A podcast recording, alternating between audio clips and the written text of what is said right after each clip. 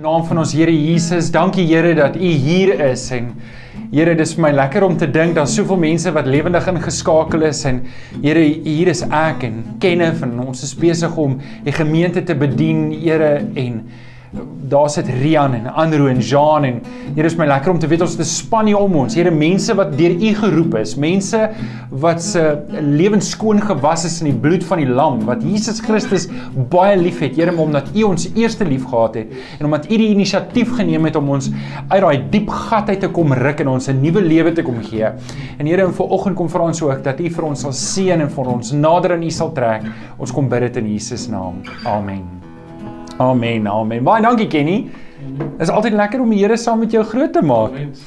Uh goeiemôre en baie welkom. Baie dankie dat jy ingeskakel is. Altyd lekker om in jou sitkamer of jou eetkamer of in jou slaapkamer te wees en um om jou te kan bedien met die woord van die Here. Dis uh, dis 'n groot voorreg en uh jy moet verstaan as 'n mens goed lewendig doen, dan loop hom maar so partykeer goedjies 'n bietjie skeef, maar dis deel van dit en ons ons doen dit maar net. En uh dit uh hierdie foutjies herinner ons dat ons lewendig is en dat ons maar op ons tone moet wees. Maar dis baie lekker, is baie lekker om jou te kan sien en uh vriende, ek wil hê jy moet weet ek verlang verskriklik baie na jou en ek ek wens so ons kon weer bymekaar kom, maar die tyd is nog nie reg daarvoor nie en En intussen bid ons vir mekaar, ons ons bid vir die gemeente en vriende. Ek wil vir julle dankie sê. Ek wil vir julle dankie sê vir elke oproep, vir elke WhatsApp, vir elke SMS, vir um vir alles die manier hoe ons mekaar liefhet in hierdie tyd. Dankie vir jou. Dankie dat ek die voorreg het om saam met jou deel te kan wees van hierdie gemeente. En, en vriende, ek wil vir julle ook mooi dankie sê. Dankie dat julle um finansiëel so goed bydra. Uh, Regtig, ons is baie dankbaar dat ons kon nog elke maand deur lockdown kon ons al ons verpligtinge nagekom het en elke maand het ons nog geld oorgehad om weg te gee vir minderbevoorregtes, vir arme mense, vir mense wat swaar kry in hierdie tyd en vir mense buite ons gemeente. En en daarvoor sê ek vir die Here dankie dat dat ons in daai posisie is. En en daarvoor wil ek vir jou ook dankie sê. Dankie dat jy so mooi bydra. Vriende, ek wil jou herinner, na die diens het ons nagmaal. Ek bedien jou graag met nagmaal, so moenie dadelik uitskakel nie. Kenneth gaan vir ons nog 'n liedjie sing en dan gaan ons nagmaal bedien en ehm um, ek hoop jou nagmaal goed is gereed en stuur vir my foto's, stuur vir my WhatsApp of 'n e-pos of of plaas jou foto sommer op ehm um, in die in die description daar van jou nagmaal goeders. Ons wil dit graag wil sien en ehm um, wil sien weet hoe jy en jou gesin saam nagmaal gebruik. Uh laaste dingetjie, deel gerus hierdie boodskap. Dis 'n maklike manier om die woord uit te kry. En soos Rian gesê het, as jy nog nie gesubscribe het op die YouTube kanaal nie, ons het laasweek 800 gebreek, Rian. Yay! Ons het 800. Nou is dit 1000. Want eintlik wil ons by 1000 uitkom, maar ons mag mos nou nie getalle jaag nie. So ons jaag nou nie getalle nie.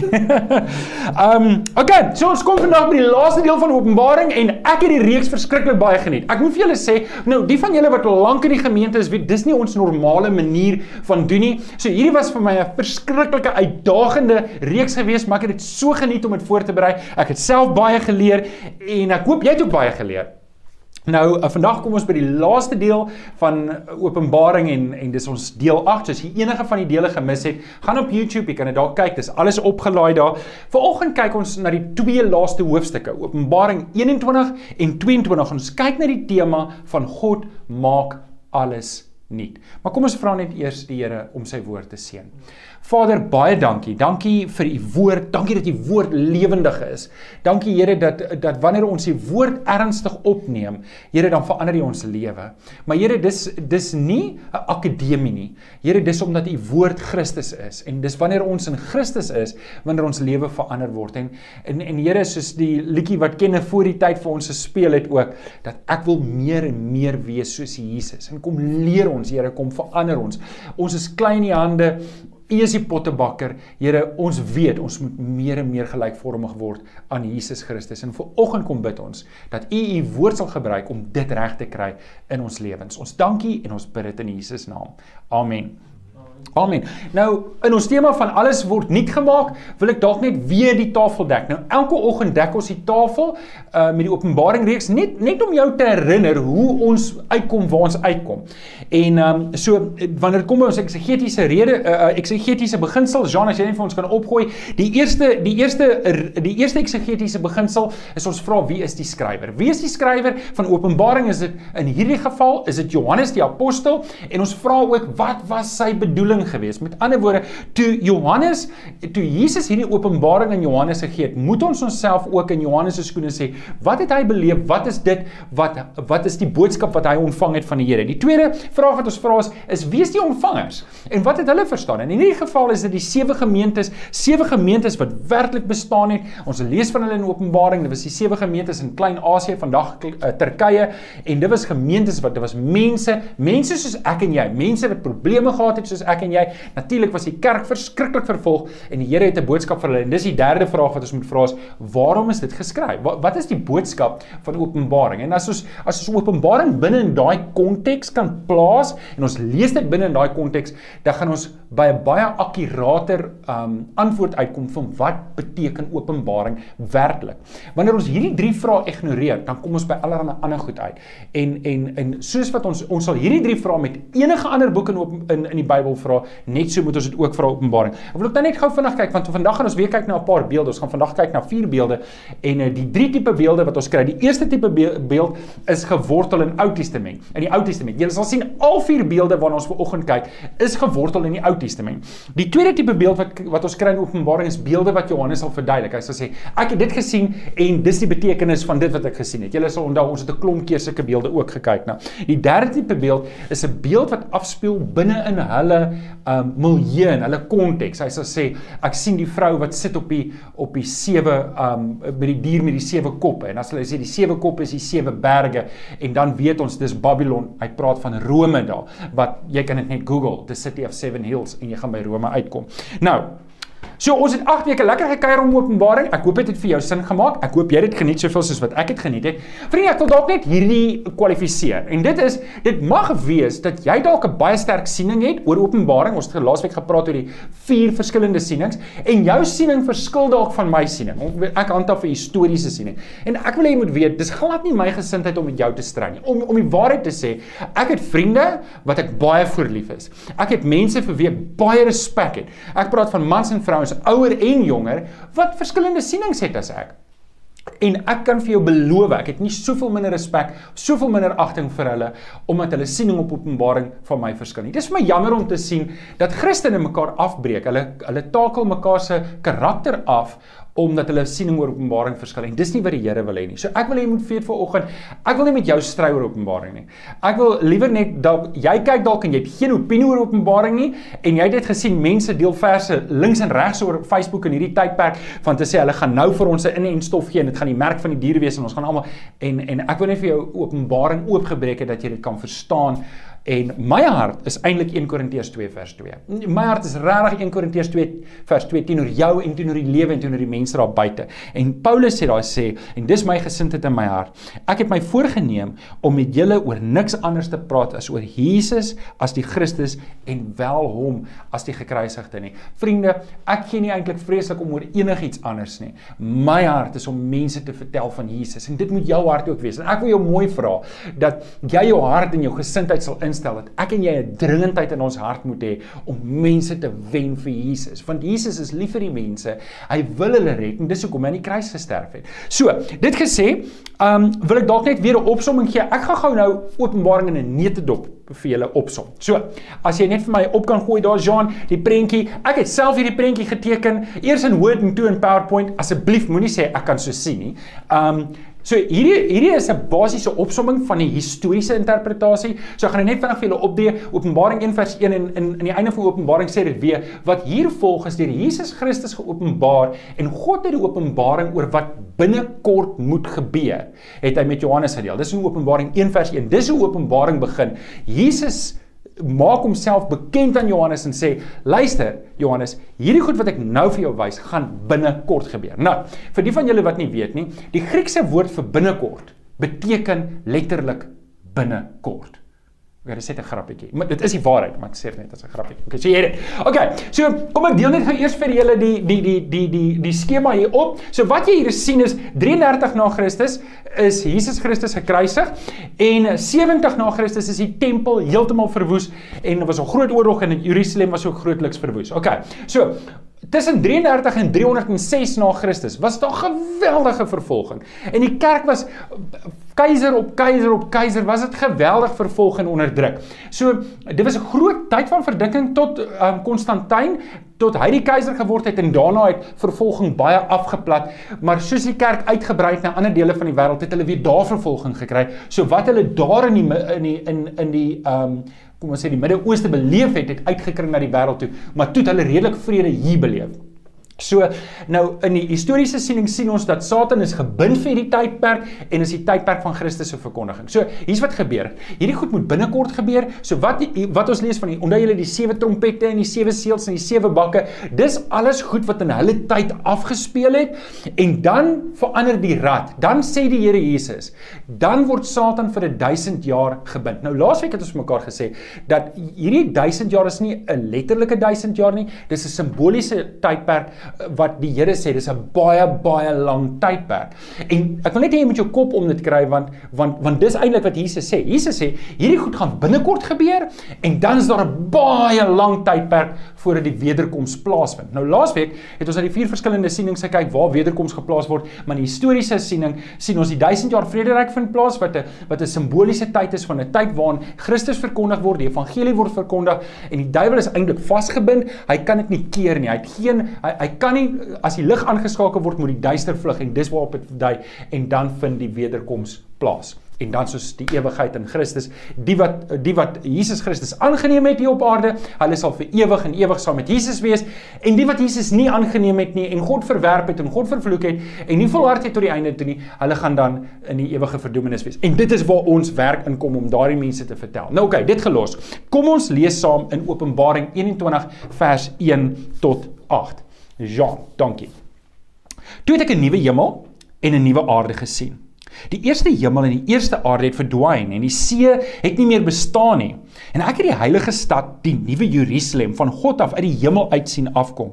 Die stad was gereed soos 'n bruid wat vir haar man versier is. Toe het ek 'n harde stem van die troon af hoor sê: "Kyk, die woonplek van God is nou by die mense. Hy sal by hulle bly. Hulle sal self um, en hulle sal sy volk wees en God sal self by hulle wees as hulle God. Hy sal al die trane van hulle oë afdroog. Die dood sal nie meer daar wees nie. Ook leed, smart en pyn sal daar nie meer wees nie. Die dinge van vroeër het verbygegaan." Toe sê hy vir die wat op die troon sit: "Kyk, ek maak alles nuut. En daarna sê hy: Skryf hierdie woorde op, want dit is hulle is betroubaar en waar. Verder sê hy vir my: Dit het klaar gebeur. Ek is die Alfa en die Omega, die begin en die einde. Aan elkeen wat dors het, sal ek te drink gee uit die fontein van die water van die lewe en dis verniet. Elkeen wat oorwinning behaal, sal dit alles kry en ek sal sy God wees en hy sal my seën wees. Net daardie paar verse, net daar. Nou natuurlik gaan ons oor Openbaring 21 en 22 vanoggend gesels en die tema hier is God maak alles nuut. Nou, vanoggend wil ek vier beelde met jou uh, met jou bespreek wat uit die Ou Testament uitkom wat hier afspeel in hierdie twee hoofstukke en ek wil vir jou wys hoe dit relevant was vir hulle en hoe dit relevant is vir my en jou vandag al leef ons nie meer in daardie tyd. So die eerste beeld wat uh, wat Johannes sien, hy sien 'n nuwe hemel en 'n nuwe aarde. En en en, en dit dis dis 'n belangrike beeld wat hy sien. In Openbaring 21 vers 1 lees ons: "Toe het ek 'n nuwe hemel en 'n nuwe aarde gesien. Die eerste hemel en die eerste aarde het verdwyn en die see het nie meer bestaan nie." En hier is 'n beeld wat ons kry uit Jesaja 56 en onthou nou Jesaja 56, ons gaan nou-nou weer daaroor praat wat wat die Here vir die volk sê deur die deur die monde van Jesaja om te sê: "Luister, ek gaan alles nuut maak. Ek gaan die hemel nuut maak en ek gaan die aarde nuut maak." En ons sal nou-nou weer daaroor praat. Wil ek dalk net sê, maar hoekom wil ons die hemel nuut maak voordat ons oor die aarde praat? Wel, ons weet Jesus het vir sy disippels gesê ek gaan vir julle plek voor te berei en dan gaan ek terugkom ek gaan julle kom haal sodat julle kan weet waar ek is. So so baie mense wil sê die hemel is bietjie onder konstruksie, maar ons weet ook God is almagtig, hy kan dit om een woord te sê, kan hy alles doen. So Die nuwe hemel verteenwoordig net dit wat kom hierna. Dit is anders as wat dit nou is. Dis 'n nuwe hemel waar ons almal gaan wees. Nou oké, okay, ons kan dit net eers daarso parkeer. Nou, lees ons van 'n nuwe aarde. In die nuwe aarde maak God nie. Nou hoekom is dit nodig om die nuwe om om die aarde nie te maak? Hoekom is dit nodig vir 'n nuwe aarde?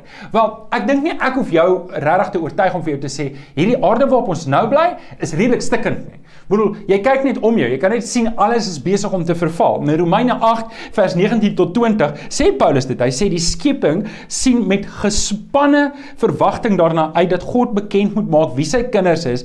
Die skepping is is immers nog aan die verydeling onder onderworpe nou.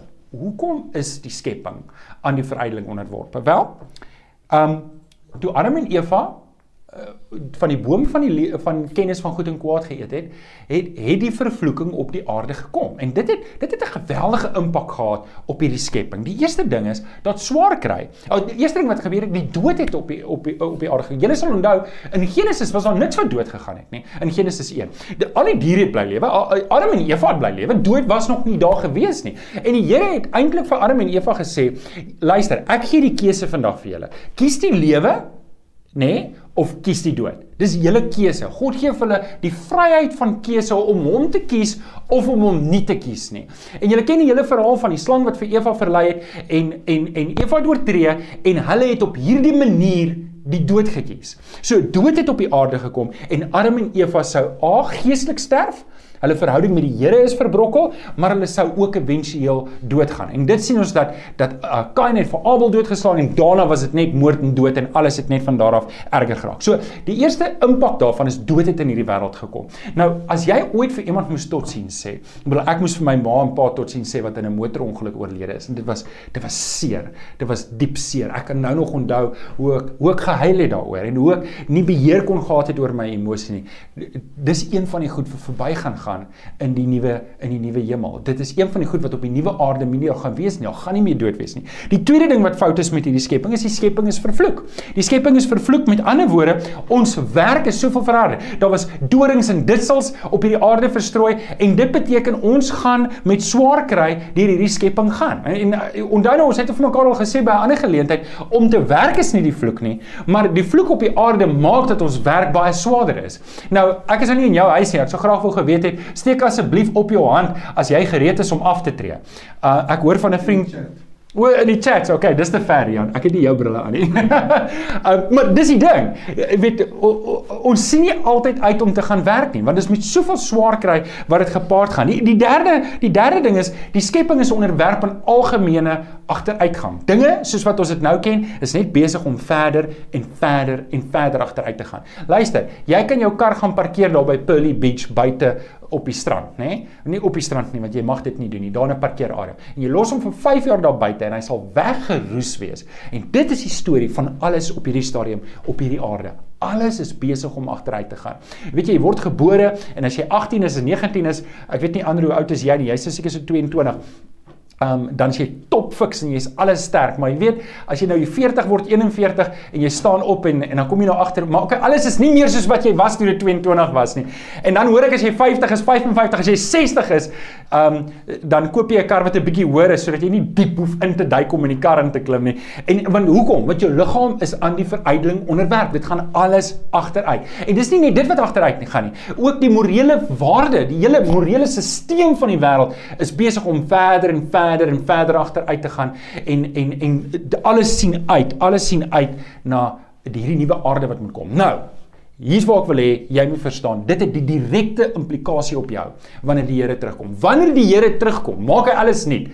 Hy gaan vir jou nuut maak. Dalk sukkel jy met jou oë. Jy kan dalk nie so ver sien nie. Die Here gaan jou oë nuut maak. Hy gaan as jou tande stikkend is, hy gaan vir jou nuwe tande gee. Dalk is jou bene stikkend. Hy gaan vir jou 'n totale nuwe um oorgedoende liggaam gee wat wat alles nuut is, wat alles perfek funksioneer, 'n liggaam wat pas by die ewigheid. Hierdie liggaam wat ek nou het as gevolg van sonde is gebroken. Hy is bedoel om af te sterf. Hierdie liggaam het het 'n tekortkoming. Hy's uit uit 'n virus onder nee, COVID virus noodwendig nie, maar hy het 'n virus onderlede wat wat die DNA die mekaar gemaak het, korrup gemaak het dat hierdie liggaam sal sterf tensy die Here Jesus kom. Jy weet net vir die net vir die kantlyn nota, almal wat op hierdie aarde vir ons geleef het, behalwe Henog, het dood gegaan.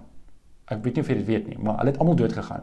En um ek sou jammer om dit te sê, maar as die Here nie gou kom nie, dan um, is dit éventueel my en jou voorland ook.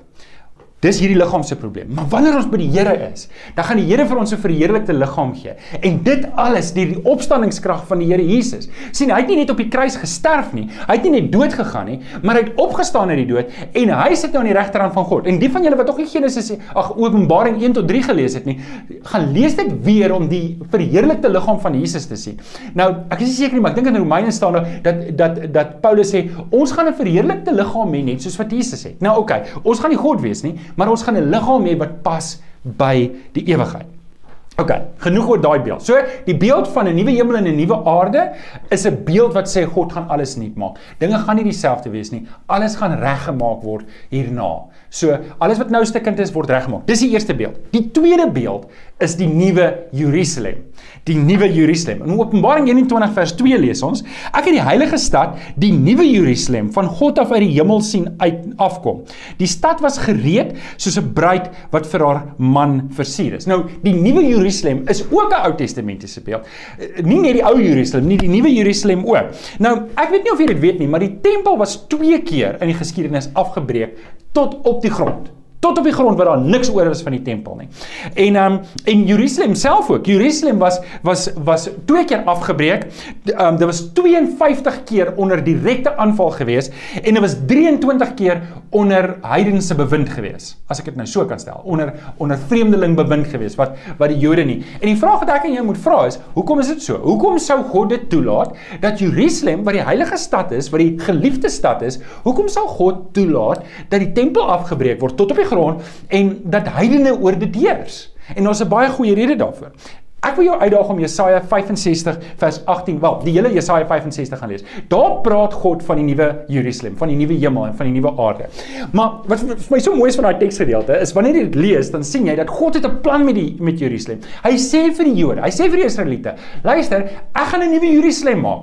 En hierdie nuwe Jerusalem sal daar nooit weer trane wees nie. Daar sal daar sal nie gehuil word nie. Daar sal nie 'n ma wees wat huil oor haar eendag oue baba wat afgesterf het nie. Nou, die van julle wat 'n mamma is wat 'n babatjie verloor het, ken daai bitter, bitter, bitter hartseer. En God sê vir die volk, luister, dis wat ek wil hê vir julle. Nou die vraag is, hoekom het hulle dit nooit gekry nie? En die rede daarvoor is want Hulle het God nooit gedien nie. sien, Jesus beskuldig hulle daarvan. Jesus beskuldig hulle in Matteus 15 vers 8 dat julle julle lippe, julle dien my met julle lippe, maar julle harte is so ver van my af. Nou hierdie groot belofte wat in Jesaja 65 afspeel, het die Jode en baie die Israeliete baie na uitgesien dit moet kom, dit moet kom, dit moet kom, dit moet kom. Maar dit kom nie, nie, dit kom nooit nie. Intussen het Jesus gekom, hulle het dit heeltemal gemis. Hulle het Jesus Christus gekruisig en dit was hulle verlosser, dit was hulle redder. En nou kom hierdie belofte finaal in die laaste twee hoofstukke van Openbaring tot vervulling wat God sê, luister, ek gaan 'n nuwe Jerusalem gee. Nou vriende, ek wil net hê jy moet jou ek wil jou net 'n bietjie uitdaag. Hierdie gaan nie oor die stad as sulks nie.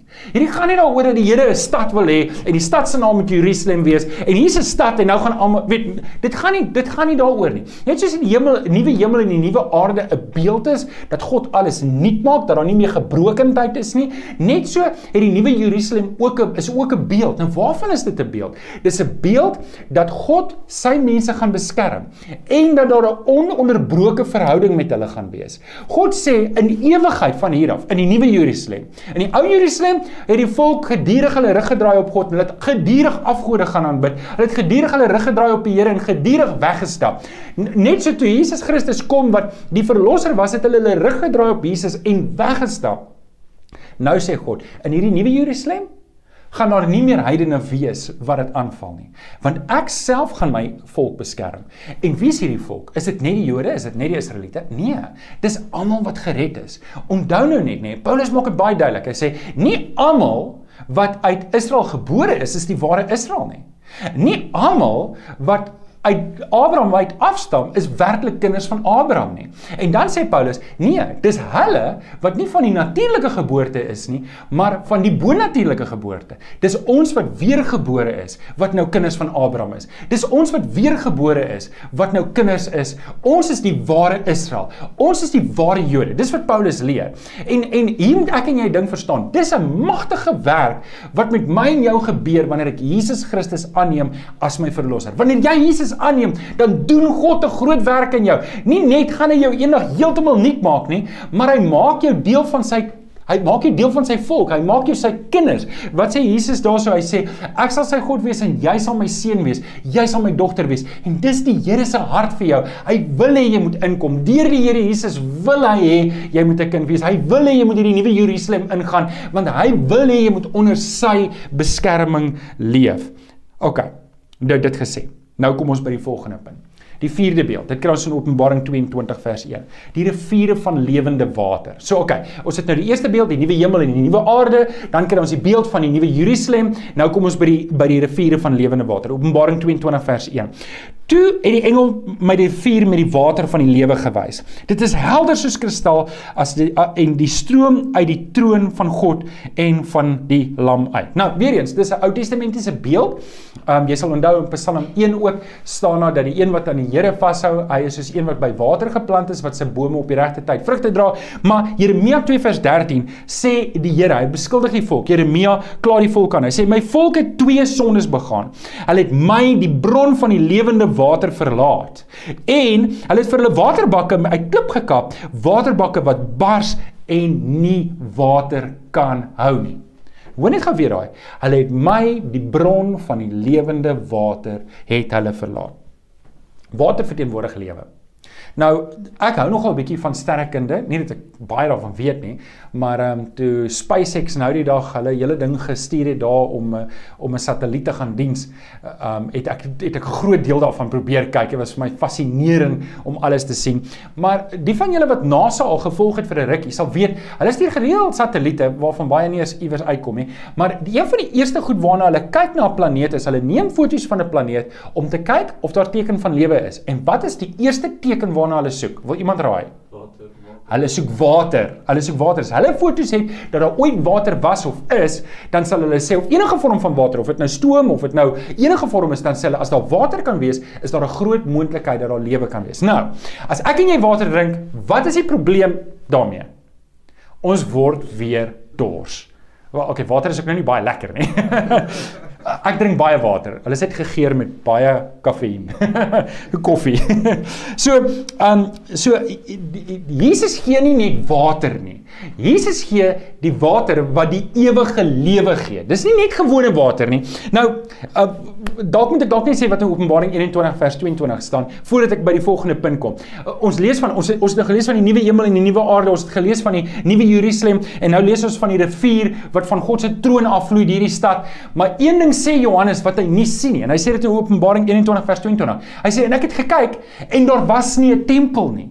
En dan sê hy want God self is die tempel. God is self teenwoordig. Onthou nou net, die tempel was nooit God se inisiatief nie. Dit was die mense inisiatief. Dawid het gekyk en hy het gesê, "Here, dis nie reg dat ek in 'n paleis bly en u bly in 'n tent nie. Ek gaan vir u 'n tempel bou dat u ook 'n huis kan hê." Dit was Dawid se plan. Toe sê die Here vir uh, Dawid, "Nee, nee, nee, jy moet eers wag. Jou hande is vol bloed. Jou seun Salomo sal dit bou." En Salomo het dit toe gebou. Nou, in die hemel gaan daar nie 'n tempel wees nie, want dit is nie nodig nie. God is alomteenwoordig. Wil ons weet dit. God is oral daar. Nou, kom ons kom terug by die water. Ek wil net die tempel ding gou afgaan. Kom ons kom gou-gou by die water. Ons lees in Johannes 4 van Jesus wat by 'n put water gaan sit. Nou, Jesus loop doelbewus deur Samaria. Nou Jode het gewoonlik om Samaria geloop. Nou die van julle wat dit nie weet nie, Samaria was 'n was 'n bastervolk geweest. Hulle was Jode wat nie Jode was nie. Hulle het uitgetrou met die heidene en hulle was hulle was 'n onrein volk volgens die Jode. So, toe die Jode in ballingskap weg was, het hulle hulle self rein gehou, maar die Jode wat agtergebly het, het ondertrou en hulle het begin heidense invloed te kry en toe toe die Jode nou terugkom, toe het hulle hierdie bastervolk. Ek weet nie ek weet nie, ek hoop nie dis kras nie. Ek hoop nie dis lelik nie. Ek weet nie wat ek Maar in elk geval soos wat ons ook maar soos ons maar almal so lekker die mekaar. En uh, en toe wil die Jode hulle nie toelaat in die tempel nie. En en maar hulle het hulle gestasioneer by die berg toe. So die Jode het toe die tempel herbou nadat die nadat verwoes is en het ons toe nou hierdie spanning dat die Jode hou nie van die Samaritane en die Samaritane haat die Jode en en hulle wil nie in mekaar se gebied kom nie en en en dis net hierdie ah slegte ding wat besig is om af te speel. En Jesus stap in middel deur van Samaria en hy gaan sit by die put en hy sê vir die disippels gaan julle vooruit en kry vir ons kos. En nou wag hy. Maar sien, hier het 'n afspraak gehad met hierdie vrou. So hier kom hierdie vrou aan en die vrou wil water drink. Sy gaan water skep. En Jesus sê: "Geef my water en ek sal vir jou die lewende water gee." So Jesus maak dit uitdruklike geestelike gesprek. En en die vrou sê: "Maar hoe gaan jy vir my water gee? Jy het nou nie eens 'n skep ding nie." En die Here begin met haar praat en hy praat met haar en sy kom toe agter maar hierdie man is spesiaal, is 'n profeet of iets. En sy dadelik toe sy die geleentheid kry, toe vra sy vir Jesus: "Nou Here, vertel vir my. Ons het nou die berg en julle die Jode het nou het nou het nou die tempel. Waar moet ons aanbid? En en Jesus sê, luister, daar kom 'n dag en die dag is nou waar die mense my nie op 'n berg of in 'n tempel gaan aanbid nie. Hulle gaan my aanbid in gees en waarheid. Maar wat my opval van hierdie hele stukkie is waar Jesus vir haar sê, en hierdie hou baie sterk verband. Waar Jesus vir haar sê, ek sal vir jou water gee en jy sal daarvan drink en jy sal nooit weer dors kry nie. En dit sal in jou opborrel En, en kan jy indink wat Jesus vir haar probeer sê? Nou, wat is dit wat Jesus sê as hy die lewende water is? Natuurlik hou dit verband met lewe, maar dit hou ook verband met vervulling. Dit hou in verband met vervulling. Het jy al ooit het jy was jy al ooit hard geoefen en baie dors? Jy kan maar koud drink. Jy gaan net nog koud en nog koud. Jy gaan dors bly. Net water kan daai dors les. Jy drink daai water en dit les jou dors. Maar jy gaan altyd weer moet water drink. En daardie vervulling is wat Jesus vir jou gee. sien in hierdie lewe sukkel ons almal. Ons wil altyd meer hê en verder gaan en groter gaan en beter hê. En daar's altyd hierdie gat in ons lewe wat ons probeer toedruk. En en hierdie gat kan net gevul word met Jesus Christus. En wat Jesus sê is terwyl ek en jy in hierdie lewe gedurig die Here moet soek en in vervulling soek met hom. Ons moet regtig vervulling soek met die Heilige Gees dat ons nie ons lewe vul met junk nie. Want sien, jy kan, jy kan as jy dors is koud drink. En dit gaan aanvanklik die bevredigende gevoel gee van luister dit les my dors. Maar as jy klaar is, dan gaan dit niks oor hê nie en jy gaan weer moet drink en jy gaan weer moet drink. En éventueel dan as jy dik van die kook, maar jou dors is nog nie geles nie. En net so is dit in hierdie wêreld. Jy kan jouself vul met geld en nuwe karre en en nuwe speelgoed en wat dit ook al is wat jy, maar as dit nie Jesus is nie, gaan jy honger bly en jy gaan dors bly. En wat Jesus hier probeer sê is, en dis wat Johannes 10 vers 10 ook vir ons onderlig gaan sê. 'n Dief kom net om te steel en te slag en uit te roei. Maar ek het gekom sodat jy die lewe kan hê in oorvloed. Nou dit het niks met geld te doen nie. Die Here wil nie jou ryk maak nie. Natuurlik as jy ryk is, het jy 'n spesiale verantwoordelikheid. Dis maar dis nie die intensie van die vers nie. Die Here wil vir ons absolute vervulling gee. Hierdie vervulling is net beskikbaar in Jesus. En dis wat Jesus vir ons wil gee. En nou wil ek net gou-gou hierdie vervulling verduidelik. Dis hierdie absolute vreugde, absolute vrede en absolute dankbaarheid.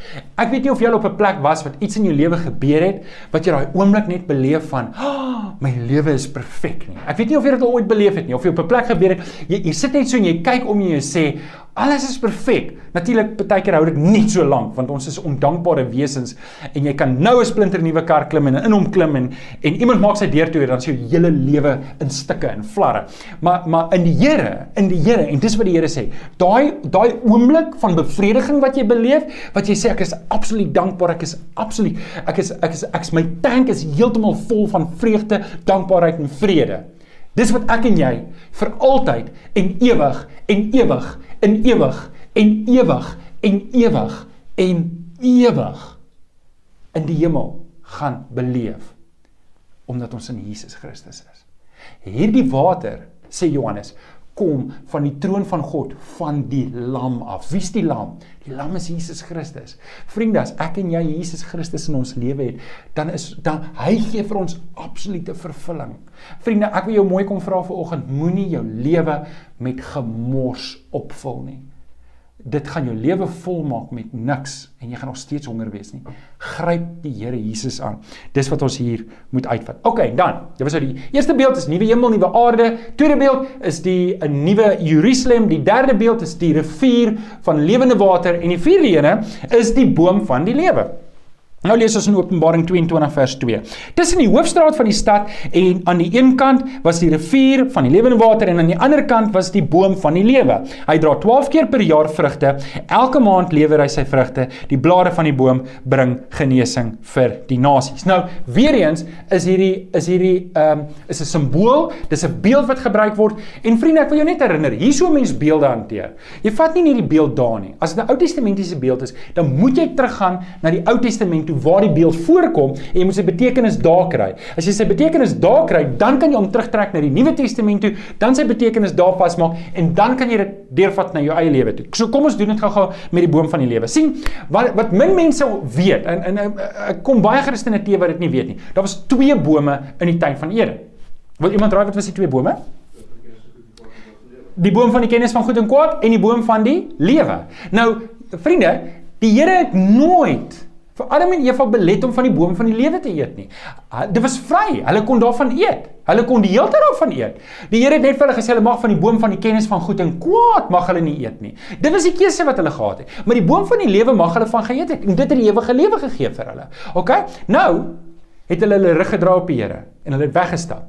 En die Here het toe die die boom die die, die tuin van Eden toe afgekordon dat hulle nie kon inkom nie want sê hy dat hulle nie daarvan eet weer nie want hulle mag nie daarvan eet nie. Nou lees ons in Openbaring in die hemel is daar net een boom. Daar's nie twee bome nie.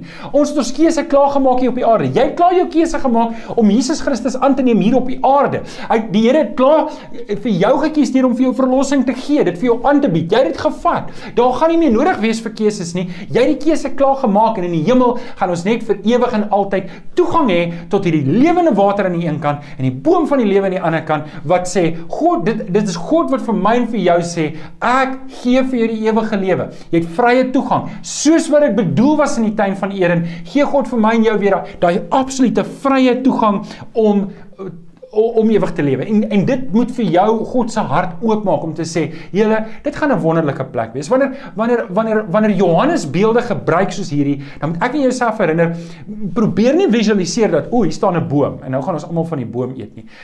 Probeer die probeer die betekenis daarvan verstaan. Probeer die betekenis verstaan dat God gaan ons nuut maak. Hy gaan vir ons nuwe liggame gee. Hy gaan vir ons verheerlike liggame gee. Die die die nuwe Jerusalem. Hy gaan vir ons ononderbroke gemeenskap gee met hom en met mekaar. Die stad is 'n plek waar mense bly. Dit is 'n groot metropolitaanse stad. Dit gaan nie net een stel mense wees. In die Ou Testament was dit net die Jode wat gered kon word, maar ah, wat hulle nie besef het nie, hulle moes Jesus voorbring na die wêreld. En en daar gaan almal wat Jesus aangeneem het, gaan deel wees van die volk. Dan die die die die lewende water is die absolute vervulling wat ek en jy gaan beleef. En die vierde ene is dan nou die boom van die lewe wat sê dit is God se hart vir ons om ewig te lewe. Nou, OK. Ek wil ek wil Openbaring opsom in drie opdragte wat ek en jy moet vat, want ons is nog nie daar nie. Ons sien nou uit, ons het nou gesê ons is in hierdie ons is in hierdie tyd van vrede. Jean, as jy net vir ons weer die prentjie kan opgooi. Ons is ons is in hierdie tyd van vrede wat jy hier kan sien. Ons is in hierdie tyd. Wat wat moet ons doen? Wat moet ons doen terwyl ons in hierdie tyd van vrede is voor die finale wederkoms plaasvind, voordat ons vir ewig en ewig by Jesus Christus gaan wees? Wat wat moet ons nou doen? Ons is nou in hierdie tydperk en ons weet nie wanneer die wederkoms gaan plaasvind nie. Wat moet ons doen? So die eerste opdrag is Ons moet die lewe kies. Kies die lewe. Kies die lewe. Deuteronomium 13 vers 90, ag 13 vers 19 sê die Here, ek roep julle vandag op. Ek ek ek het net 'n deel van hom hier. Kies die lewe sodat jy en jou nageslag kan lewe. Vriende, ek weet nie waar jy is nie. Ek weet nie of jy al hierdie keuse gemaak het nie. Wat ek net wil hê jy moet verstaan is, aan die kruis van Jesus, toe die Vader besluit het om sy seun in ons plek te laat sterf, het God klaar gekies om vir jou die lewe aan te bied. Hy het klaar besluit geneem om te sê, ek wil jou red. Ek wil jou my kind maak. Ek wil hê jy moet deel wees van my koninkryk. God het klaar vir jou gekies. Nou gee hy vir ons die geleentheid om hom te kies. En dis wat dis wat wat Johannes 14 vers 6 ook sê. Jesus het vir vir die mense gesê, ek is die weg en die waarheid en die lewe. Niemand kom na die Vader toe behalwe deur my nie. Daar's net een naam gegee op hierdie aarde waarby 'n mens gered kan word en dis die naam van Jesus Christus. Nou Johannes 1 vers 12 ken julle, as julle my ken, ken julle hom wat wat wat wat hier's wat wat Johannes sê aan almal wat hom aangeneem het. Die wat in hom glo, dis Jesus Christus, het God die reg gegee om kinders van God genoem te word. Die Here wil hê jy moet vandag 'n keuse maak. Jy moet vandag 'n keuse maak om te sê, Here, U het my gekies.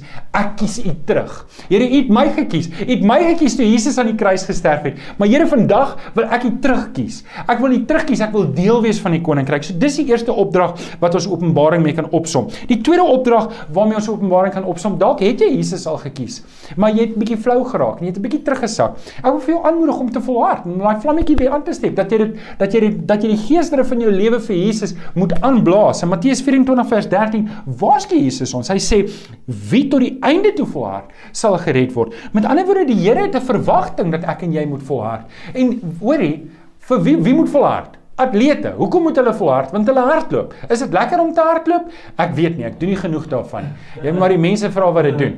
Maar dit lyk nie vir my lekker nie. Hulle sweet, hulle is moeg, hulle sukkel om asem te kry en en volharding beteken juis om deur dit te breek wat nie lekker is nie. En en net so gaan ek en jy vervolging beleef. Natuurlik, gaan ons deur moeiliker tye gaan in ons lewe. Natuurlik, gaan ons voor uitdagings wees, gaan ons voor versoekings wees. Natuurlik gaan jy, maar die Here roep my en jou op om te volhard hart. In Hebreërs 12 vers 2 staan ons moet ons oog gefestig hou op die Here Jesus, want as ons dit doen en ons ons hou ons ore oop op ons geloofskare rondom ons, sal ons nie geestelik moeg word en uitsak nie. Jeremia 31 vers 25 sê die Here wil vir ons nuwe krag gee. En dis wat ons kry in die Here Jesus. Ons kry nuwe krag. Dis dis die tweede opdrag wat ons kry in Openbaring en dit is om te volhard tot die einde toe. Ouens, ek wil jou aanmoedig, moenie moeg raak nie. Moenie moeg raak nie. Dalk het jou vlammetjie begin dof raak. Man blaas hom aan en bel my en sê hoor jy aan bid net saam met my. Ek voel 'n bietjie moeg, ek voel 'n bietjie tam. Ek wil saam met jou bid en ek wil saam met jou maak 'n gebed. Gaan staan op jou knie en sê Here, ek weier om lou te raak. Ek weier om terug te sak in hierdie wêreld. Ek wil U dien. Jesus het nie moeg geraak nie. Jesus het volhard tot op die kruis. Hy het volhard tot op die kruis. En die van julle wat The Passion of the Christ gekyk het, het gesien is verskriklik waar die Here Jesus moes gaan. En hy het volhard vir jou en vir my sodat ons gered kan word. Ek weier om nie te volhard nie.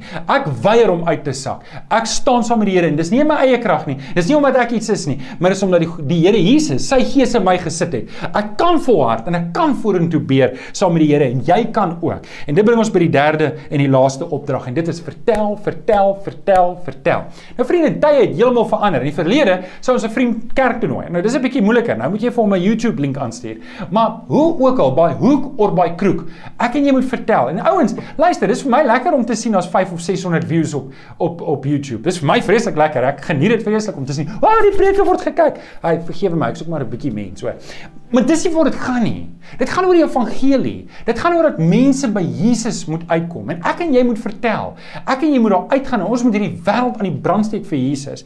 Um 2 Petrus 3 vers 9. Net voordat ek dit lees, dankie Jean. Uh, Ons lees van die wederkoms. Jean wys dit gaan weer vir my daai prentjie. Wys dit gaan weer vir my daai prentjie. Ons lees vir die wederkoms. Ons praat van die wederkoms. Ons is nou hier iewers op hierdie tydlyn. Afhangende van wat jou siening is. As jou siening van my af bietjie anders is, is dis oukei. Okay. Ek dink ek en jy stem saam. Die wederkoms het nog nie plaasgevind nie. Ons sou dit weet as die wederkoms plaasgevind het. Die vraag wat ek jou wil vra is, ons is nou hier iewers. Hoekom het die wederkoms nog nie plaasgevind nie? Wat, wat dink jy is die rede? Hoekom hoekom het die Here nog nie teruggekom nie? Dit dis iets waarna ek en jy moet dink. Ek en jy moet vra vra. Weet ons is nou ons is nou wat is vandag se datum? 26 Julie 2020 en die Here het nog nie teruggekom. Hoekom nie? En ek wil vir die rede gee. Jean, gooi vir ons daai vers op in Petrus. Hoor hierdie vers. Die Here stel nie die vervulling uit van die belofte nie. Al dink party mense so nee.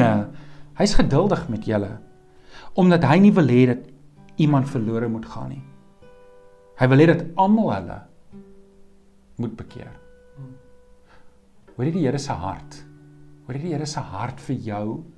Hoor jy die Here se hart vir jou ma of vir jou pa of vir jou broer wat nie die Here ken nie? Hoor jy die Here se hart vir jou buurman, vir jou werkskollega? Dink jy nie ek en jy moet dieselfde hart kry as die Here Jesus nie? Dink jy nie ek en jy moet vir die Here vra, Here, ek hoor u hartklop. Maar hartklop is nog nie daar nie. Maar kom deur die Heilige Gees en gee my dieselfde hartklop as wat Jesus het. Vader, kom gee vir my hierdie hartklop wat Jesus het, dat my hart en u hart gesinkroniseerd sal klop. Dat ek sal verstaan ek het 'n verantwoordelikheid om te vertel. Ek wil vir jou bid.